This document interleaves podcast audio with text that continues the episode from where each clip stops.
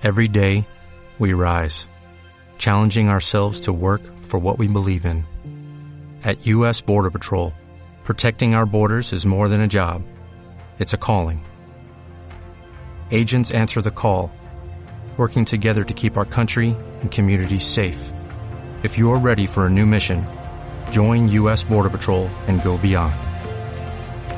Learn more at cbp.gov/careers.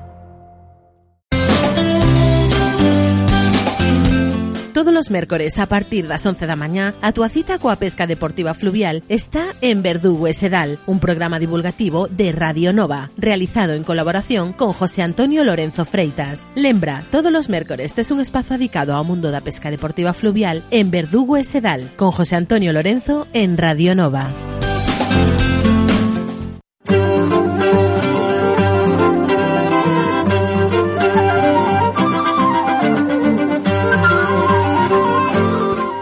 Pois cando son as 11, 5 minutos comenzamos unha semana máis o noso programa habitual dedicado aos amantes da pesca deportiva, pesca fluvial, verdugo e sedal, como sempre, coordinado, dirixido e coa colaboración de José Antonio Lorenzo Freitas. José Antonio, moi bons días. Hola, moi bons días, Antón. Bueno, hoxe xa matamos un pouco o gusanillo, esa ansia que tiñamos eh, as semanas pasadas co inicio da temporada de pesca e agora xa hai que, bueno, centrarse un poquinho no que temos que facer. E queríamos te preguntar, bueno, pues que, que equipos eh, temos que levar para estes días de inicio de pesca e que preparativos temos que, que tomar cos nosos... Eh, por claro, porque as canas son como os cazadores as escopetas. Hai que telas eh, en perfecta orden de revista para que cumplan a súa misión, non?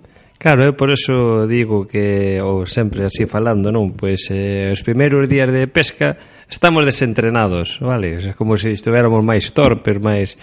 Eh, normalmente, a min que me gusta pescar con canas largas, eh, normalmente pois pues, vas a aqueles sitios, non? Aqueles eh, cinco cotos, catro, cinco cotos, máis ou menos sabes como están, sabes onde hai unhas polas, sabes por onde, por que orilliña tes que pasar, por abaixo, pola parte de arriba, rodeando aquela pedra entonces eh, ao principio cando levas pois eh, o que intentas pois é eh, eh, levar algo que sea moi cómodo non? Por eso recomendo ao principio pois eh, levar unhas canas máis pequenas máis cortiñas non? Para que sean máis, máis cómodas a hora de pasar polos ramallos que o ano pasado non estaban e agora si sí están non?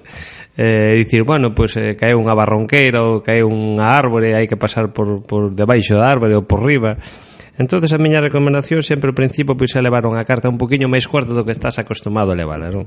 Eh, levar uns, eh, uns carretes finiños eh, eh, Cando estás falando de canas un poquinho máis cortas que medida aproximadamente estás? A ver, unha medida idónea que che vale para pescar con calquer cousa prácticamente eh, eh, sería o tamaño estándar para min e para casi todo o mundo é o tamaño de 2x10 2 10 de tamaño é unha, unha eh, pois cana que non é ni moi longa ni moi estreita. O sea, a é unha medida, eu que creo que idónea. O que quere pescar a cucherilla, pesca a cucherilla. O que quere pescar a miñoca, tamén che vale pescar a miñoca. O que quere pescar a pluma, tamén che vale pescar a pluma.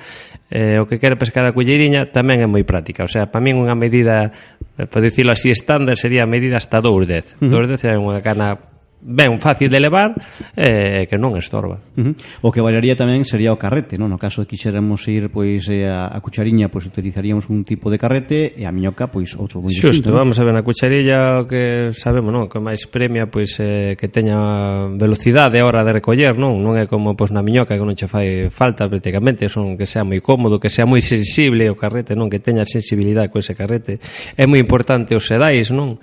Eh, a ver, eu teño compañeiros que o típico, eh, recollen a cava tempada, recollen todo, tal, eh, eh, así como chegan ao río o primeiro día, pois ah, lanzando mesmo, xa pasou, non? É moito rin, non? Que estábamos non balse, nun embalse, non? Os primeiros días eh, non pasou este ano, xa fai, non? E lanzou unha cucherilla bastante pesada e así como lanzou, dixo, Lanzou polo aire, así o, foi. O Sedal, o ah, Sedal. Claro, a ver, eh, o Sedal eh, non aguanta, salvo que sea moi gordo, non? gordo estamos falando de a partir de 0,18, 0,18, 0,20, 22, xa por río levar máis de 22, pois eu creo que non hai moita xente que leve, pero os sedais máis pequenos de aí eh, sufre moito co sol, non? Cos raios de sol queman ese, ese filamento, esa protección brillante que leva alrededor, eso que falla que eh, rompa moi facilmente. Entón, se rompe moi facilmente, que pasa? O recomendable, pois, para min é sempre que empezas a tempada de pesca, a cana debería de ser a mesma, os carrete deberían ser os mesmos, os sedais eh, agora están subindo, o sea, a verdad que son están eh, subindo de precio, son caros, pero bueno, se os tratas ben, aguantan ben, vale? Eh, mm. Por lo menos empezar a tempada de pesca con sedal novo. Mm. Eh, que digas ti, bueno, pois pues teño un, un 0,18 bah, debería de aguantar un 0,16 que xa é moi bo para pescar a calquer cousa sería o tamaño estándar non? por dicirlo así uh -huh. eh, a cana 2,10 10 pois un setal de 0,16 pois está en bo estado eh, nós temos, meu pai, eu non, pero meu pai sacou unha troita 3 kg 200 cun sedal del 0,16 uh -huh. eh, non estaba nun sitio moi cómodo o sea que o sedal se está bo aguanta moito entonces uh -huh. eh, recomendación básica sempre cambiar o sedal antes de, de empezar a tempada, vale? A cana esa que vas levar ou no, o carrete ese que vas a levar que teño o sedal novo. Uh -huh. eh, non tes porque, a ver, eh, antigamente... Porque visto botarlle aceite ao sedal eh, para ver si, o sea, dunha tempada para outra, para intentar no, revitalizalo, pero no, non, non, eh, eso, non vale. Na, eso non vale. A ver, eh, é igual que de botarlle aceites pois as, as, as anillas dos sedais, porque hai xente pois que, que lle bota, vale? eh, non é moi recomendable tampouco, vamos a ver, eses aceites levan ácidos, son ácidos, non é acaba acaban eh, eh acabanse filtrando para as bobinas eh, eh, porque claro, ti botas unha gotiña pero eso vai pa onde vai, ti darlle xirar eso reparte o aceite pa onde lle toca entonces o recomendable eh, son vaselinas neutras, non hai nas a vender, son botiños moi pequeniños, é como o típico botiño de botarlle a, a máquina de coser. Uh -huh. Pois é unha vaselina neutra que lle botas non lle fai mal a, a nin o aparello, nin, nin o carrete, nin a nada, o sea, é moi eh, é recomendable. A min pasoume unha vez eh, estábamos pescando en Orense, nun coto de Orense, non me acordo cal, vais para arriba do Arenteiro, pero bueno, non me acordo cal, non? Eh, chegamos alá e resulta que o, o, o, sedal, o carrete do meu compañeiro, pois... Eh, non, non saltaba a bobina, vale, el eh, pescaba normalmente pois eh, no mar, entonces o mismo carrete que levaba ao mar, troi. Entonces, cando levas o mar eh, hai que desalalo, non? Hai que meter a lógica, non? Pero bueno, ti despísate ou non o fixaches ben, esa anilla quedou eh, pois tan recia que non soltaba, eh, quería recoller e non, non había maneira. Entón, claro, agora como facemos? Eu non, eh, normalmente ninguén leva eh, pois grasa ou algo para botarlle. Pois que se me ocurriu? Con, caramba, temos o coche bastante cerca porque acabamos de empezar É unha recomendación, má, cando non tes outra cousa, vas ao coche, levantas o taponciño onde está o líquido de frenos, con esa puntiña que tes, unha gotiña dese líquido de frenos, eh, arreglache a, a tarde ou a mañán. Entonces, bueno, pues é un truco eh, non tes onde sacar, claro, lubricante onde sacas. Pois pues uh -huh. eso, eh, colles un pouquiño de líquido de frenos, botalle ali e eso mantesando. Os pescadores son de xente que ten recursos, a verdade que a imaginación. É que vas a facer, ese, se che gusta ah. aquel e non tes o tal e queres pescar con aquel, e dices, teño que marchar para casa, desde Orense, home, se estás na casa ainda vas, pero desde Orense.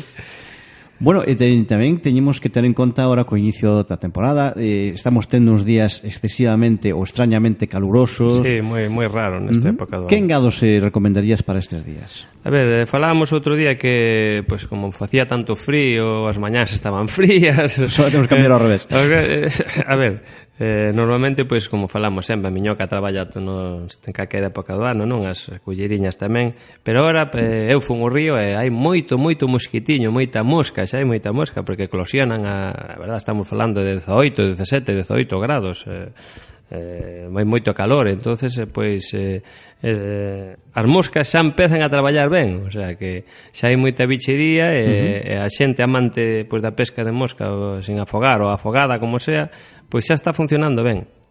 Entran, isto que estamos falando, non? Pois eh, pezas eh, variadas, sobre todo máis pequenas, pero eh, xa empezan a traballar, o sea, xa ves que teñen eh, ganas de botarlle a boca pois pues, eses mosquitiños. Uh -huh. eh, eses eh, engados, eh, bueno, hai xente moi perfeccionista, eu conozco algún que utiliza un engado para casi cada hora do día, é dicir, a mellor pois a primeira hora do día e a última hora do día, sobre todo a última hora do día, busca mellor a mosca, eh, a primeira hora do día, pois o mellor utilizo do tipo de engado e, e traballa con tres engados diferentes. Eh, é unha paranoia, entre comillas, desa persoa ou é recomendable facelo así? A ver, vamos a ver, o das moscas é un mundo, é outro mundo, non? O mundo Igual significa... Igual cos colores. Claro, oye, a ver, colores. eh, que pasa? Normalmente non o mira porque sea Eh, é pola mañán, é pola tarde, eh, ou é polo mediodía, é pola tarde, non. Eh, se utilízase pois na zona na que estés, non?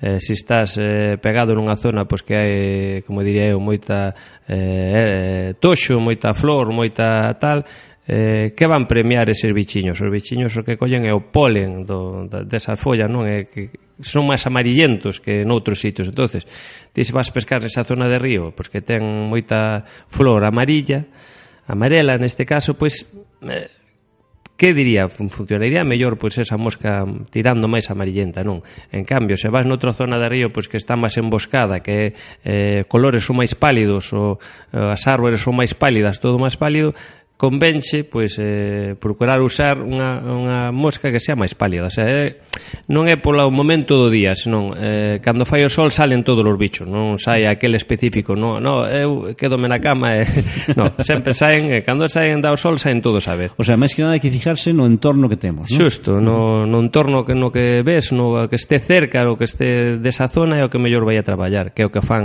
eh, os, os bons mosquiteiros, pois é eso. Uh -huh. Bueno, e xa para rematar, porque xa non temos moito tempo hoxe, xa son as 11 e cuarto, Queríamos che preguntar o que nos recomendaras pois, para esta fin de semana, eh, a máis vendo un poquinho as previsións de tempo que temos, que lugar, eh, que sitio nos recomendarías para pescar? A ver, eh, o Coto do Cotián, eh, como sempre ler, sempre un río moi bonito. Eh, os que, en Campalameiro? Eh, ah, sí, a zona do Campalameiro é unha zona preciosa, eh, moi bonito, de, de correntes e de tal. Sabemos que que solo se pode pescar con, con artificial, non, non pode haber ningún engado de, sum, de sea, non se pode dar ni miñoca tampouco. Claro, ni miñoca, nin coco, ni nada, non.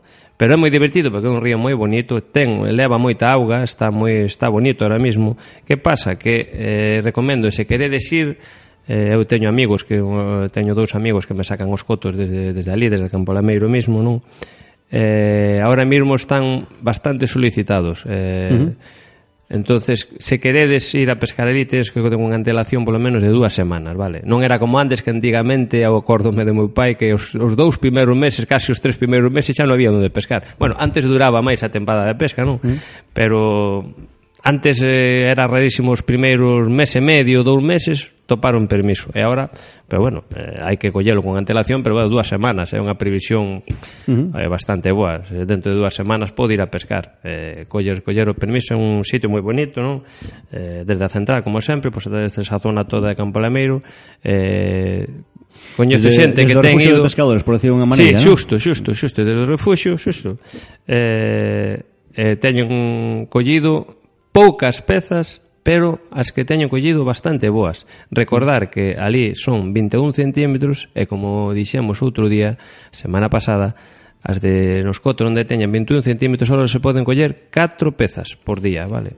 4 pezas por día. A verdad que outro día eh, falamos deste tema e a min eh, quedeime toda a semana pensando no, na, na cuestión, é dicir, vamos a ver, eh, reducir tanto o número das capturas eh, eu penso que, bueno, non sei que pensarán os pescadores, pero catro capturas en un día de pesca que máis ou menos se dea relativamente ben, a mellor, pois non estou exagerando, se si digo que nunha hora e media mellor estés. Sí, sí, claro, claro, sí que pode ser, efectivamente, ti entras en aquel momento ou están naquel momento de comer, sí, de comer ti faz eh, un kilómetro de río, colleches catro pezas facilmente, porque se, se pican pode las coller. E tamén pagar un coto, home, non sei que precio terá ahora cutián. Sí, pero... eh, eu creo que igual que os demais, eh, é que eu nunca pago, porque invítame, Vas invitado. Eh, vai invitado, pero creo que como nós, o 4 euros. 4 euros. Sí, 4 euros. Claro, é dicir, eh, eh gastar 4 euros, pois pues, a mellor pois, por dúas horas de, de, de actividade ou, ou de diversión, pois eh, é a verdade que, bueno, habría claro, que mellor revisar claro, un que faz, eh? Claro, que faz? Collo as 4 troitas e marcho. A moita xente, mm. moita xente non é por coller as troitas, é por, por pasar o día. Por ¿no? pasar o día, día entonces que fajo? Home, no último caso soltalas, pero non sei se si, ao final eso se poderá facer así, porque claro, non sei.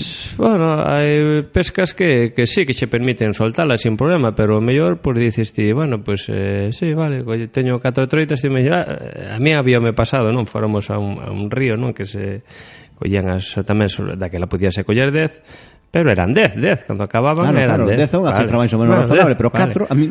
pero, pois, pues, claro, cando chegamos, collemos 10 as primeiras... Ah, cando collías a seguinte, Eh, ah, collín a seguinte é un pouco máis grande que a outra que hacías? collías esa, tirabas e seleccionabas estaba morta, no, claro. claro, estaba morto non a tirabas porque claro. daba o compañeiro claro. ti cantaste a seis, pois toma unha claro, eh, así claro. colleu outra claro. pero claro, se queres ir como dis ti, Antón, ir a dar unha volta pasalo ben, gasto 4 euros, vou cos amigos claro. e en unha hora teño que marchar de, de, do río no, e aparte bonito de ir de, de, de pesca de río que vas pola mañán cos amigos moi temprano tomas no río bocadillo e tal claro, e cual xusto, comentas a xogada vas a xusto. comer E volves. E volves, efectivamente. Claro. A Home, a ver, que pasa? Como eh, decíamos, no? que foi a lei, foi a trampa. Entón, ti vas pola mañán, collo ca de catro troitas, eh, pues, eh, se vas a comer a casa ou que sea, o, eh, sí, ou regalas ya ¿no? salí a quen sea, e, eh, e volves a ir, non? Pero a lei di que non. A lei é que son catro troitas por día. Entonces, pues. No, no, é que a lei debían ser pues, precisamente teñen que ser para cumplirse e non debería Xos... que buscar un poquinho pois pues, esa pillería Pero claro, é un poquinho absurdo que se quera manter unha afición como o tema da pesca, porque logo, bueno, eh, pescadores federados, penso que despois dos de fútbol deben ser os de pesca. Claro, é que o problema non é eso, o problema é que hai moita xente que fai pesca deportiva, o sea, mm. pesca sin morte, moitísima mm. xente que fai, é lícito, é correcto, é estupendo. Eh, pero esa xente vai a onde vaya xa vai tirar a troita, vai claro. soltar a troita. Entonces, a esa xente non lle influi. O sea, que máis lle dá esa xente, vai lle dar igual, o que lle vai, non lle vai dar igual é a xente pois pues, que, que, que quere levarse a troita uh -huh. para casa. Bueno, pois pues, moitísimas gracias a José Antonio Lorenzo Freitas por eh, ofrecernos todo o seu coñecemento, a súa sabiduría sobre pesca deportiva, pesca fluvial e hoxe recordamos aos nosos ointes que falamos sobre, bueno, os preparativos eh, previos por inicio de temporada, como temos que cuidar as nosas canas e sobre todo o sedal, o máis importante. Sí, moi importante. Non seamos rácanos, tamén somos rácanos. o sedal dura moito, me, o mellor a cada se o cuidas ben, ou non enganchas moito, que non son unha persona que engancha moito, pois pues dura moito. Entonces, non, a mellor tes cambiar dous cada tempada Pois sí, vale, que cada cada 100 metros vale 7 euros, 8 euros, 8 euros. Bueno, pois, pues, oye, pero non é tanto tampouco, non é unha, unha práctica moi cara. É unha cousa asequible. Eh? Claro. Tamén falamos hoxe dos engados que eh, cando falamos de bichería non temos que mirar, eh, temos que fijarnos moito no noso entorno Xusto. para determinar un poquinho cal podría ser a tonalidade, o color dese engado para poder obter o maior eh, rendemento e como lugar recomendado para pescar esta fin de semana nos recomenda José Antonio pois o, o coto de Cutián en Campo Lameiro e que sean vostedes previsores, porque hai bastante demanda por parte dos pescadores e que, bueno, conten, non conten con chegar e encher. Hai que pedir o permiso, por lo menos con 15 días de antelación, sí. porque non vai ser doado a topar plaza. Por lo bueno, menos no primeiro mes e medio. Efectivamente. no primeiro sí, mes de xente non se aburre, non no se cansa. Sí, es... Pues moitísimas gracias a José Antonio Lorenzo Freitas. Moi bons días e hasta semana que ven. Ve, igualmente, veña.